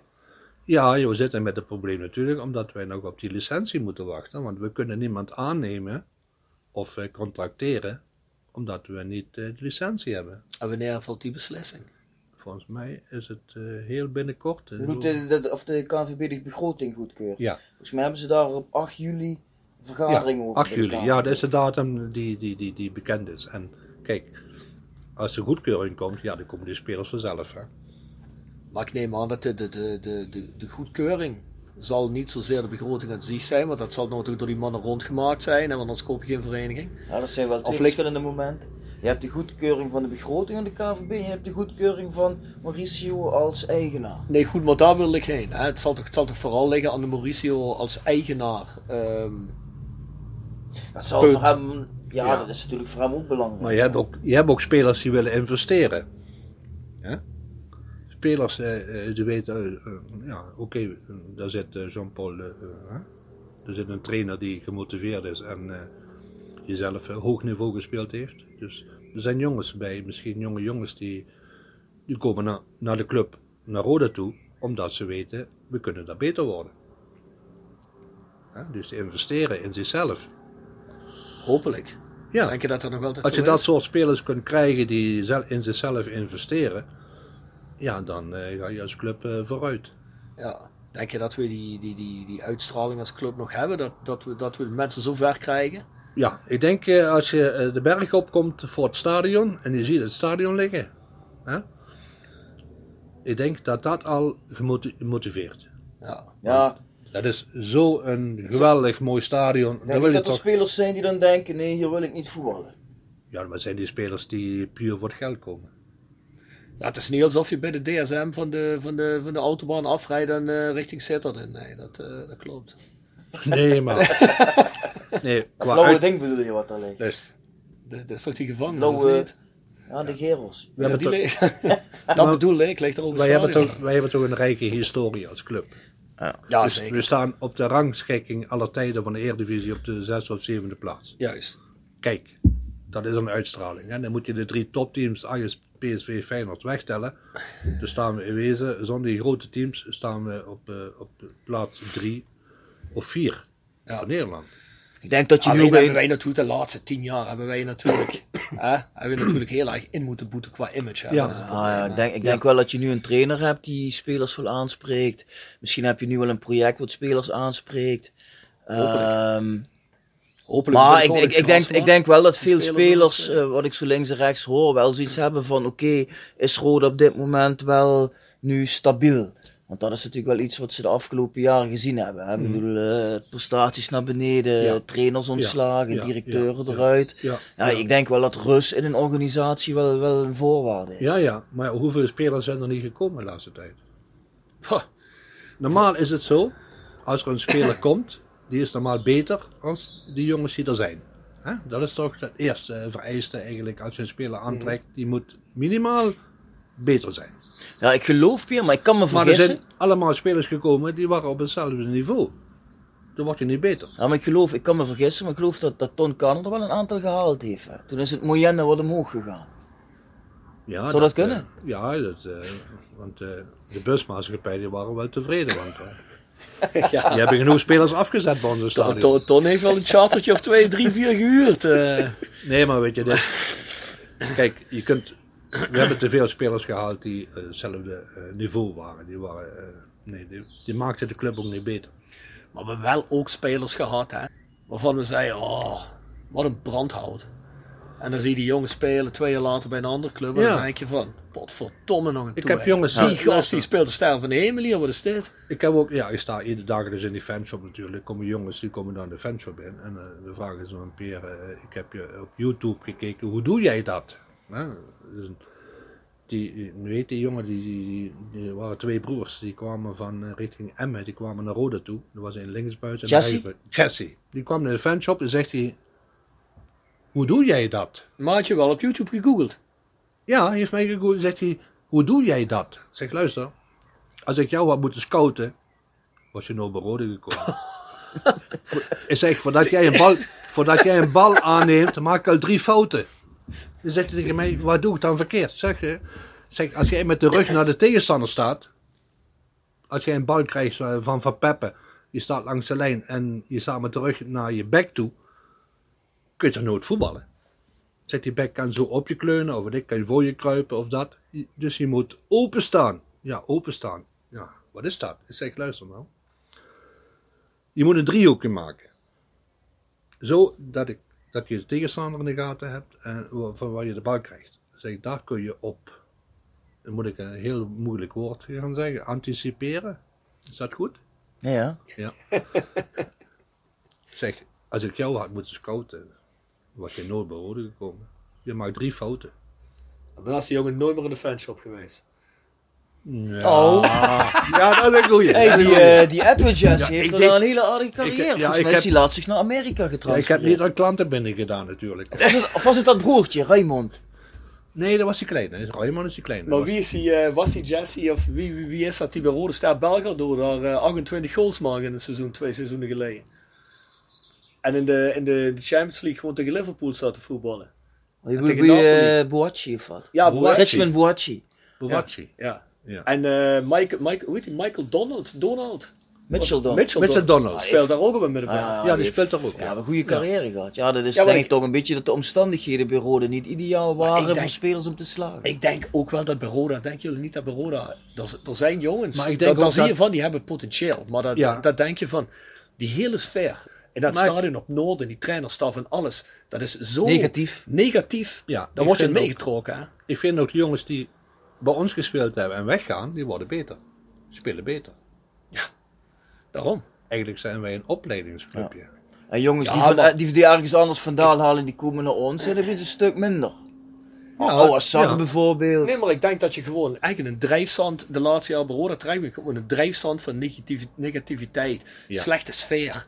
Dan ga je vanzelf slecht. Je moet ook, ook Ja. goed. Is wat jij zegt, je hebt de hele tijd bij clubs gevoetbald in je carrière, die net in bloei kwamen. Nou, dan voel je jezelf ook alsof je in bloei komt, toch? Tuurlijk, tuurlijk. Ja, en als Dat jij, is in, zo. een- als jij in zo'n periode komt, kijk, als je zo'n Boyacci hebt, als je net goed voor hetzelfde geld wordt, scoort die jongen bij jou 24 goals. Ja. En, ja. dat is- en dan verkoop je hem, weet ik, van naar Engeland voor, eh, weet ik veel, 8 miljoen. Mats Jonker die kwam van, eh, die kwam van Vitesse af. Hè? Die speelde dan niet. Hè? Ja. Bij ons speelt je de ster van de hemel meteen. Hè? Malky die kwam van België. Van, eh, eh, die speelt bij ons. Ja, die jongens die zijn bij ons opgebloeid. Ja. Eh, Jonker was een geweldig duo. Ja, geweldig. Dat is de laatste geweldige duo. Geweldig duo. Maar ik, ik hoop dat dat er nou een beetje uit is. Weet je Ja. wel, dat is wat jij zegt, daarom vragen we ook. Hè. Ja. Zitten we nou in een, in een beetje weer een opschwung? Ja, we zitten in Hè? opschwung. Ja, merken die spelers dat ook? Want je praat natuurlijk met die jonge jongens daar, of Ik niet? praat ook met die jongens. Ja, ja, ja. ja, ja. En die jongens heb, van hier, bijvoorbeeld zo'n Matje Reemans. Ja, zo- dat heb ik, eh, eh, heb ik ook in het begin, eh, de- eh, want die kwamen vaak naar het stadion toe, die kwamen voor zichzelf trainen. Ja? Ja, Ah, goed. En die zegt van, eh, ik ben gemotiveerd, want eh, eh, ik voel dat ik eh, beter kan worden. Ah, goed. Dus dat zijn, Maar die jongens geloven ook in die trainer. ja, die geloven er echt in. En eh, Want dat was volgens mij vorig seizoen niet zo. Hè? weet je Of wat toch het is? wel? Het is altijd, eh, ja, oké, eh, ja, als het minder gaat, geef je de trainer de schuld. Hè. Dat is vaak ook een ding. Maar spelers moeten meer naar zichzelf kijken. En, eh, maar je moet niet vergeten, die jongens, die jonge jongens, die zijn gewoon de leeuwen gegooid. Hè. Normaal heb je ja. een speler breekt door en die wordt opgevangen Ja. en dan wordt hij gecoacht en dan wordt hij beter. Ja. Maar die jongens zijn vanaf het begin op hun plaats neergezet en ja, begin maar. Zonder sturing, zonder eh, bepaalde richting van eh, oké, wat moeten we nou doen? En ja, pas op, dat, ik vind een, en nog een prestatie eh, hoe we tegen Ajax gespeeld hebben voor de beker. ja, dat was ook, uit- dat was ook de uitzonderlijke Kijk, maar- wedstrijd van het seizoen. Ja, maar dat is ons niveau ook een beetje, hè, als Club Roda. Ja. Hè, dat we tegen Ja. Ajax spelen. Hè. Dus. En je ziet dat het dan wel kan. ja, Ja. kijk, dat ligt gewoon aan de tegenstander. Ja, maar dat is eigenlijk bizar. Hè? Want pers je dat, ik zeg maar, twee derde van de wedstrijden, al de helft van de wedstrijden eruit. Ja. Ja, dan, dan haal je gemakkelijk die play-off. hè, Gemakkelijk. De mensen praten ook nog over die wedstrijd van Ajax. Geweldig. Ja. En dat is toch het Ajax wat, eh Ja, stond wat, wat de halve finale Champions League gehad stond heeft. uh, hè. Neres stond erin en, Ja. eh, en die andere... links- Matthijs de Leegt stond er ook in.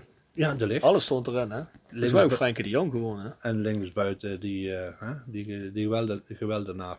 Die spelen ook mee. Oh, hoe heet die? Die, eh Ja, die in Engeland terug is van Southampton. ja, ja Southampton. Weet je ja. Tadic. Ja, Tadic. Ja, Tadic. Tadic. Tadic. Die spelen ook mee, hè? Ja. Ajax, Ja. heeft dat, de Ajax dacht dat ze er wel even gingen doen bij ons. Maar eh, Ja, dat was onze beste wedstrijd. Dus dat niveau kunnen we aan. En dan speel je dan eh, twee dagen later tegen een clubje uit eh, weet ik wat. En dan eh, is het niks. ja, Mentaal denk ik dan. Hè. Ja, maar je weet, je- je bereidt je voor op zo'n wedstrijd. En er gaat zoveel kracht in zitten. Zoveel energie gaat erin zitten. En als je die wedstrijd gespeeld hebt. En dan heb je die wedstrijd dan verloren dan. Hè? Dus dan eh, is het herstel nog moeilijker. Maar die jongens die hebben op een top moeten presteren om die prestatie te brengen. Ja. Ja. veel jongens ook nog. Dus die Erg zich- onervaren natuurlijk. Ja, heel onervaren en eh, geen coaching in de ploeg. Ja, dan heb je, ja, ik vind een prestatie. eh, Pierre, we kijken nou eigenlijk tegenaan dat eh, zo'n Mitchell Paulussen bij Roda weggaat. Zie je dat Jammer. als een verlies? Jammer. Jammer. Zie je dat als... Ik heb met Mitchell honderd keer gesproken. Ik ben nog eh, eh, een avondje bij hem geweest eh, voor het vertrek toen hij naar Kabuur ging. Ja. Ben ik met Lonnie even daar koffie gaan drinken en eh, heb ik even met hem gepraat. Ja. En ik heb gezegd, ik wens je veel succes, want ik denk dat je een trainer krijgt die wel begrijpt wat je kan. Wie traint daar? Weet je dat? Dat is die jongen van de graafschap, die de, nou, de Jong. Oh, die Jan de Jonge, hè? Van de Ja. straat, ja. Weet je wat het probleem met Mitchell is? Mitchell is geen 5 of 10 seconden speler. Mitchell is een 1, 2 seconden speler. Mitchell is een jongen die moet binnen 2 seconden afwerken. Mhm. Eén- of een combinatie zoeken. Als hij links of rechts buiten speelt hij heel vaak. Hè? Ja, Ja, dat is zijn plaats niet. buitenkant. Nee, daar heeft hij geen, heeft hij geen kwaliteiten voor. Zijn kwaliteit is rond de 16 meter in de, in de cirkel daar en dan die combinatie zoeken en afwerken. Weet je nog het doelpunt bij NAC uit? Ja, Ja, Toen wij promoveerden. 0-1 daar. Heb je dat doelpunt gezien? Dat was van wereldklasse. Ja. Ja, dat was een goeie. Ja. Daar is niet voor niks. dat Als je Willem dat van Hanegem zei dat Ja. hij een hoger niveau aankomt. ja, waarom? Omdat het een 2 seconden speler is. Die jongen moet niet lang met de bal lopen. Want kijk, als je lang met die bal dan ga je denken. Mhm. Hij moet niet denken. Hij moet het uit zijn talent, uit zijn creativiteit moet hij spelen. Niet uit zijn loopvermogen. Loopvermogen, ja, dan zie je vaak in het middenveld inlopen en denk je van, ja, je Mitchell, wat ga je nou daar zoeken? Dat is een jongen die is van het twee seconden werk. Ja, ik Maar- vond hem vaak als ik hem afgelopen En seizoen zag, dan denk ik, ja, hij rent wel op en neer. Maar eigenlijk, waar, hij, waar hij voor staat, is eigenlijk renner. die, die, die, die steekpaas, die 1-2. Ja. Maar dat zag je helemaal nooit. Nee, omdat hij verkeerd stond. Dat is toch ook raar dat zo'n trainer dat, eh, dat zo'n trainer dat ook helemaal niet ziet dan. hè? Nee, niemand heeft het gezien. Niemand. Maar hij heeft ook, hij heeft ook goede seizoenen, heeft ook goede seizoenen gehad. Vooral Ik heb, begin, met, ik, ik heb het met Willem ook om de reunie, daar praat je ook over Roda en dan praat je over en van alles wat. En met je Paulus hebben we het ook over gehad. Het is een jongen van twee seconden werk. Niet over dat langdurige, dat rennen of weet ik het met die bal. Nee, nee, korte werk, tik, tik, boem. Maar gaat zo'n jongen nou eh, met eh, pijn in zijn hart weg? Of gaat hij nou weg en zegt hij, ja, fuck you. Eh, niemand ziet het schijnbaar in me, verrek me. Nee, die jongen is nooit op zijn kwaliteiten eh, Ja. eh, behandeld. Dat Maar, gaat, hij, gaat hij dan met een beetje wrok weg, denk je? Of gaat hij dan met pijn en Nee, denkt, ik ja, ik denk had dat dat niet hij gewild? weggaat, dat het goed voor hem is dat hij weggaat. Hele andere omgeving. En eh, volgens mij treft hij een trainer die het wel in hem ziet. Had Jean-Paul de Jong het wel in me gezien, in, in me gezien dan? Want volgens mij was hij al weg voor Jean-Paul de Jong gepresenteerd Ja. werd. Ja. wel, ja. was hij al weg. Dat wilde hij niet meer afwachten. Dat was hem te groot risico, denk ik, voor hem. Ja. Ik denk dat Mitchell Paulus een van de grootste talenten eh, eh, ooit was. Die hier is. Maar niet. Een van de grootste talenten ooit. Ja. En dan rekenen we mensen zoals jou dan ook mee. De- ik zie in hem dingen. Kijk, ik heb met grote spelers gespeeld. Ja, Hè? En dan zie je soms, als, als ik Mitchell dan zie, dan denk ik van, hij heeft die kwaliteiten ook. Wat die anderen hebben kunnen doen. Zoals eh, Dominique Rocheteau. Ja, ook een jongen van twee seconden. Dat was bal aannemen, 1, 2, boem. ja. Kijk, dat is Mitchell ook. Maar denk je dat dat dan alleen maar aan de trainers heeft gelegen? Of had hij daar misschien zelf ook met de vuist op tafel moeten slaan? Of had hij Nee. er ook meer aan kunnen doen? Hij is niet eigenwijs geweest. Hm? Ik was eigenwijs. Als het 0-0 was in de wedstrijd, dan denk ik, of ik maak die 1-0, of ik geef die bal af aan iemand die scoort. Mhm. Ik ga geen bal zo afgeven aan iemand die er niks mee kan doen. Ja. Ik was scherper, zolang het na het einde 0-0 was. Je was misschien egoïstisch. Dat was ik eigenwijs. Ja. ja. En dat mist, dat mist hij eh, in jouw Dat heeft, en die Mitchell heeft dat niet. Ik heb honderd keer met hem gepraat. Zeg Mitchell, word nou eens eigenwijs, jongen. Doe, jou, doe je ding nou. Ja, zegt hij, ja, de trainer ziet dat en dan word ik weer gecoacht. Ik moet naar de buitenkant of dat. Maar dat is geen jongen van de buitenkant. Dat is gewoon een jongen. eh, eh, Ja, die jongen heeft natuurlijk ook eieren voor zich uitgekozen. Die denkt, als ik dat niet doe, sta ik er gewoon naast. Ja, ja, ja. Ja. Dat is zo. Het is eigenlijk jammer hè, dat je dan in zo'n positie komt. Ja, ja, ik vind het zonde dat zo'n speler met zoveel kwaliteiten gewoon eh, misbruikt wordt. Ja. Zie, je, zie je op dit moment nog binnen de selectie talenten of wie je denkt, hé, hey, die zie ik wel in een eredivisie dat die mee zou kunnen? Goh, dat is een goeie. Misschien een Nicky, Soeren Soeren, of ja. een Mart Reemans van. Ja, je moet het zo zien. Een macht moet het eh, echt van zijn werk hebben. Ja. Hij heeft, het is niet van een fijne werk. Hè. Dus Dat is meer een sleper. meer aan het slepen. Je moet het van de, ja, hij moet het van de marathon hebben. hè. En zo Nicky Soeren. Het Nicky middenveld. Soer, ja, weet je wat het is? Eh, Ik heb hem hoe vaak in de 16 meter gezien? Ja, misschien twee, drie keer dit seizoen. Kijk, als middenvelder moet je vaak in de- in de 16 meter komen en eh, de boel afwerken. Ik kan me goed herinneren, ik weet niet welke wedstrijd dat was, toen hij eh, eh, te 5 meter stond. En dan, eh, ja, ja, kijk, als je op die positie komt, moet je scoren. Ja. Wil je beter worden, moet je scoren. Misschien is dat nog een leerproces voor die Dat is een leerproces. Ja. Kijk, als jij in die positie komt en je scoort niet, dan heb je nog even een probleem. Ja. Je wordt je niet beter. En zie jij in die, eh, in die, eh, in die jeugdelftallen wat komen waarvan je zegt, eh, nou, dat... dat Ja, er lopen jongens bij die, ja, die kunnen wel bel, die kunnen, jonge jongens, op links buiten lopen een jongen. Die, ja. Maar ik heb... Een jonge Pierre Vermeulen. Nee, maar die jongens zijn niet eigenwijs. Ja. Ik was eigenwijs een beetje. Ik deed een beetje wat ik zelf dacht, dat Ja. is het beste. Dat is ook een beetje de tand en stijl. Kinderen worden niet meer zo opgevoed. Daarvoor had ik hè, een beetje problemen met trainers. Die zeiden van, maar ik, ik, ik speel een beetje ook op mijn gevoel. Ja. Ja. Ik denk, eh, ik maak het. Maar was je, wa- was je, was je dan... eh, vroeger bij pleintjesvoetbal was jij een beetje dan ook de pingelaar die gewoon tegen de Ja, ik was, ik hè? was gewoon een pingelaar en eh, ik, eh, ja, ik gaf iemand een geleende bal eh, die er iets mee kan doen. Dus eh, Had je de bal bij vorig seizoen bij Roda, als je dat gespeeld, niet afgegeven, denk ik. Hè? Ja, wie moet je die bal geven? Dat bedoel ik. Pierre, had Vairine wat gekund met die voorzetten van je? Had hij er dan wel een paar gemaakt? Eh, ik heb Feyerine heel veel gezien op het Controversiële vraag. Ik heb hem heel veel gezien op het tweede. Ik vond een prestatie dat je nog trainde. Oef. Ja, je werd toch overal een beetje uitgelachen, toch? Als speler, Ja, als je uitgelachen wordt, er is niks ergers dan dat, hè? Ja, ja, oké, ja. Dan word je op je kwaliteiten toch niet... eh, eh, Dan word je niet eh, gerespecteerd. wordt je niet gestreeld. Je wordt niet gestreeld. Zo van, dus hij komt uit Finland. Dus het is niet naast de deur, hè? Dus je bent toch gescout om een prestatie als spits neer te leggen. Maar ja, hij speelde iedere wedstrijd op, een belofte team. Of hij speelde twee minuten als reserve. Maar, maar volgens mij is hij gescout in het, in het, in het ijsstadion in Tialf.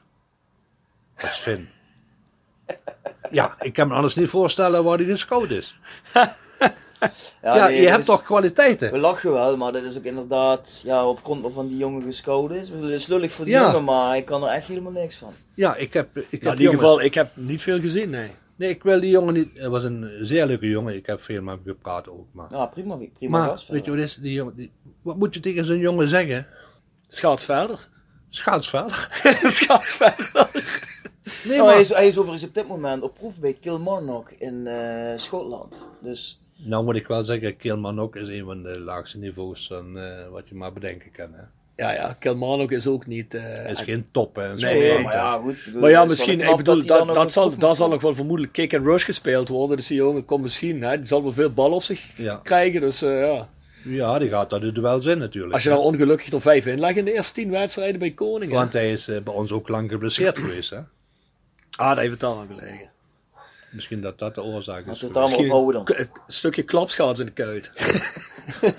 Je had de verkeerde Maar, schoen aan, denk ik. maar om het af te sluiten, Pierre. ehm ambieer jij nog... Het is nooit leuk om over zo'n speler te praten, over de negatieve dingen of zo. Nee, natuurlijk, maar- Maar luister, het was... Kunnen die alleen maar positief zijn? Nee, maar af ik heb een kopgoal zien maken bij de belofte team. Dat ik van, nou komt hij er. Ja? Maar daarna... Ah ja, daarna hiermee heb je alles goed gemaakt. Ja. En we om echt om het af te sluiten. Je zit aan de fanshop, maar er zit duidelijk veel meer voetbalkennis in jou. Hè? Heb jij nooit een, eh, een... Niet dat de fanshop niet goed is, perfect. Hè? Dan ben je, heb je perfecte rol ook samen met Lonnie. Hè? Nou, ik doe... Maar heb jij, heb jij, heb jij nog een, heb jij nog een, nog een rol dat je zegt van, ik zou eigenlijk wel meer in die, in die, in die coaching staf van Roda terecht willen komen nog ooit eens of, eh, Scouting. Ja, ja, ja. Scouting. Ik heb, ik heb ook eh, gesolliciteerd bij HM van Veldhoven. oh heb je? Twee keer zelfs. Schijnbaar niet eh, gelukt. Ik dan. heb eh, één keer heb ik eh, gezegd van in de technische staf. En hij zei als antwoord van je hebt te weinig ervaring. Wat hij zei, je hebt te weinig ervaring. Dan heb ik gezegd, Harm, ik kom over tien jaar nog eens terug. Dan ben je 73. Misschien dat ik daar meer ervaring heb. Maar, je Heb je Harm zijn Ja, spelerscarrière even naast Ja, maar Harm kun je niet meer serieus nemen dan? Toch? Nee, tuurlijk niet. Nee, luister, ik doe al 14 jaar doe ik voor de Telegraaf eh, eh, eh, voetballen van het jaar. Hè? Ja. Oké, nou dan ga maar eens zitten. Dan moet je 22 man beoordelen. Hè? Ga maar zitten. Nou, luister, als je geen verstand van voetbal hebt en je moet 22 man beoordelen op een cijfer. Nou, we gaan maar beginnen. Maar ja, ik heb Harm eh, sindsdien dat ik ges- gesolliciteerd heb en eh, afgewezen ben, heb ik hem niet meer serieus kunnen noemen. ja. Denk je dat er misschien nu nieuwe mensen, nieuwe kansen? Ja, de, er zijn eh, niet voor Harm, maar Harm doet zijn werk en eh, oké, maar ik heb het persoonlijk meegemaakt en eh, ja, ik kan hem niet meer voor vol rekenen dan op dat moment. Mhm. Als ik solliciteer om iets beter te maken binnen Ja. Roda en er wordt gezegd van je hebt geen ervaring, dan denk je van ja, ja, dat kun je niet meer serieus nemen toch, die jongen. Ja. Hij is nou al drie, vier weken weg. Ja, hij, hij meldt zich ziek. Ja. Ja, maar luister, eh, hij moet dus een week in de fanshop komen staan. Eens kijken wat hij dan om de oren krijgt. Nee, dat kan niet werken. Daar heeft hij geen ervaring. Ga maar eens daar staan een. Daarvoor heeft hij geen ervaring. Ga maar eens een week staan. En we hebben slechte tijden meegemaakt, hè? Ja. Ja. Maar goed, ik bedoel, eh, laten we op die noot eindigen. Dus hopelijk eh, nieuwe, nieuwe, nieuwe, nieuw management, nieuwe kansen. Hè? Het Ja, zou niet slecht zijn dat er, eh, Nee. dat er een beetje voetbalkennis eh, uit eigen streek. eh, nee, er zijn, echt, er zijn echt mensen die willen het beste met de club eh, maken. Ook voor hunzelf natuurlijk, hè? Ja. Dat is zo, hè? Dat mag ook. Als je de club vooruit helpt, dan mag je zelf ook Als je natuurlijk van Mexico komt eh, om eh Roda beter te maken, dan... eh, ben je welkom, hè. ja. Als het met de club goed gaat en de club verdient er, en hij verdient iets en de club valt er wel bij, nou dan mag hij van mij wel eens wat verdienen. Ja, dat heeft ook. Hendricks toch ook gedaan. Hè? Tuurlijk, zo Is simpel de is club het. Ja, ook goed wel ja. meegevaren. Hè? Tuurlijk, Dus, eh, tuurlijk. En nul, wat hij niet wist, huurde hij in. Kijk, precies. En ze- precies. Kijk, dat, is doe nou, je dat. is Ja. nou een man met kracht. Wat ik, eh, als hij twijfelt, dan schakel ik tegen mensen in en zeg ik Ja. van, eh, ga eens even kijken. Ja, Overtuig me dat ik verkeerd zit of dat zit. Je moet toch ook gek zijn als je een bedrijf leidt. Want we hebben het over een miljoenenbedrijf. Ja, hebben het, hè. ja. Moet toch ook gek zijn. Ik ken niemand die een bedrijf leidt dat zoveel omzet is. Ja. Eh, helaas ook veel verlies de laatste jaren. Hè, maar die zo'n miljoenen omzet bedrijf leidt. En dan zegt van, aan financiën weet ik niks vanaf. Maar ik zal wel even de financiële huishouding eh, zal ik doen. Bij wijze van spreken. Ja. Hè. En dat begrijp, heb ik ook nooit begrepen de laatste jaren bij Roda. Dat mensen dan niet zeggen, luister, we hebben geen... Ja, dat is natuurlijk wel de ingang geweest voor zo'n, voor zo'n gedrocht als Ton Kane. Hè, die dan daar opgesprongen is en gezegd, ja, ik ben het voetballend verstand, huur mij maar in. Ja, Hè. ja. Maar dat je, dat je daar echt helemaal zo blindelings... En dan ook nog, dat je er ook nog van overtuigd bent dat je die, dat je die vereniging wel op kunt houden. eh, dat je die wel recht kunt houden op die manier. Zonder enige controle ook, hè. Ja, Maar goed, laten we het erop houden van een nieuw regime, nieuwe kansen. Laten we hopen dat in de toekomst eh, Ja. dat, het, dat het beter gaat. En Pierre, hopelijk eh, ja, bedankt dat je de tijd genomen hebt. Graag Het gedaan. Een heel Dus, interessant eh, ik, gesprek. eh, ja, en we ik, hopen je in eh, de toekomst nog een keer eh, als gast eh, voor misschien een keer te mogen ontvangen. Ik eh, ben er, hè. Dus, eh, Ah, mooi. eens. mag van Lonnie, dan...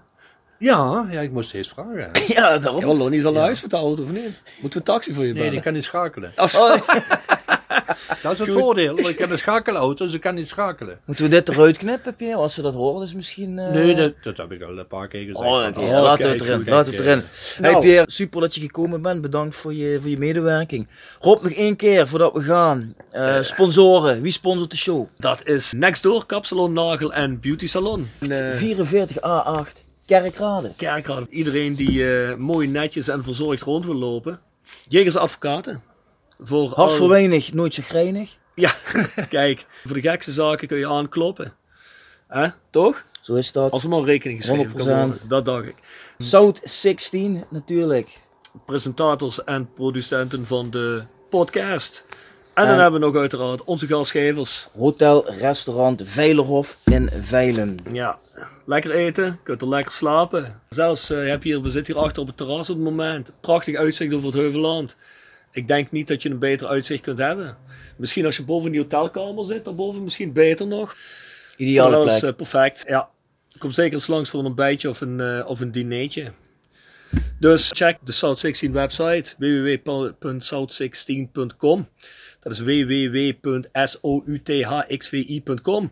Of ga naar shop.south16.com voor online merch en dergelijke. We gaan natuurlijk ook bij eh, Lonnie en Pierre in de fanshop langs bij Rode en het Rode Stadion. Hè. Die zijn ook elke Verle dag nog open, Pierre. Ja, we zijn uh, volle toeren. Verleng je seizoenskaart, steun ja. de club. Ja. Zeker. Dit was aflevering 3. Dit was aflevering 3. En dit is de klap. Klap. Tot de volgende keer.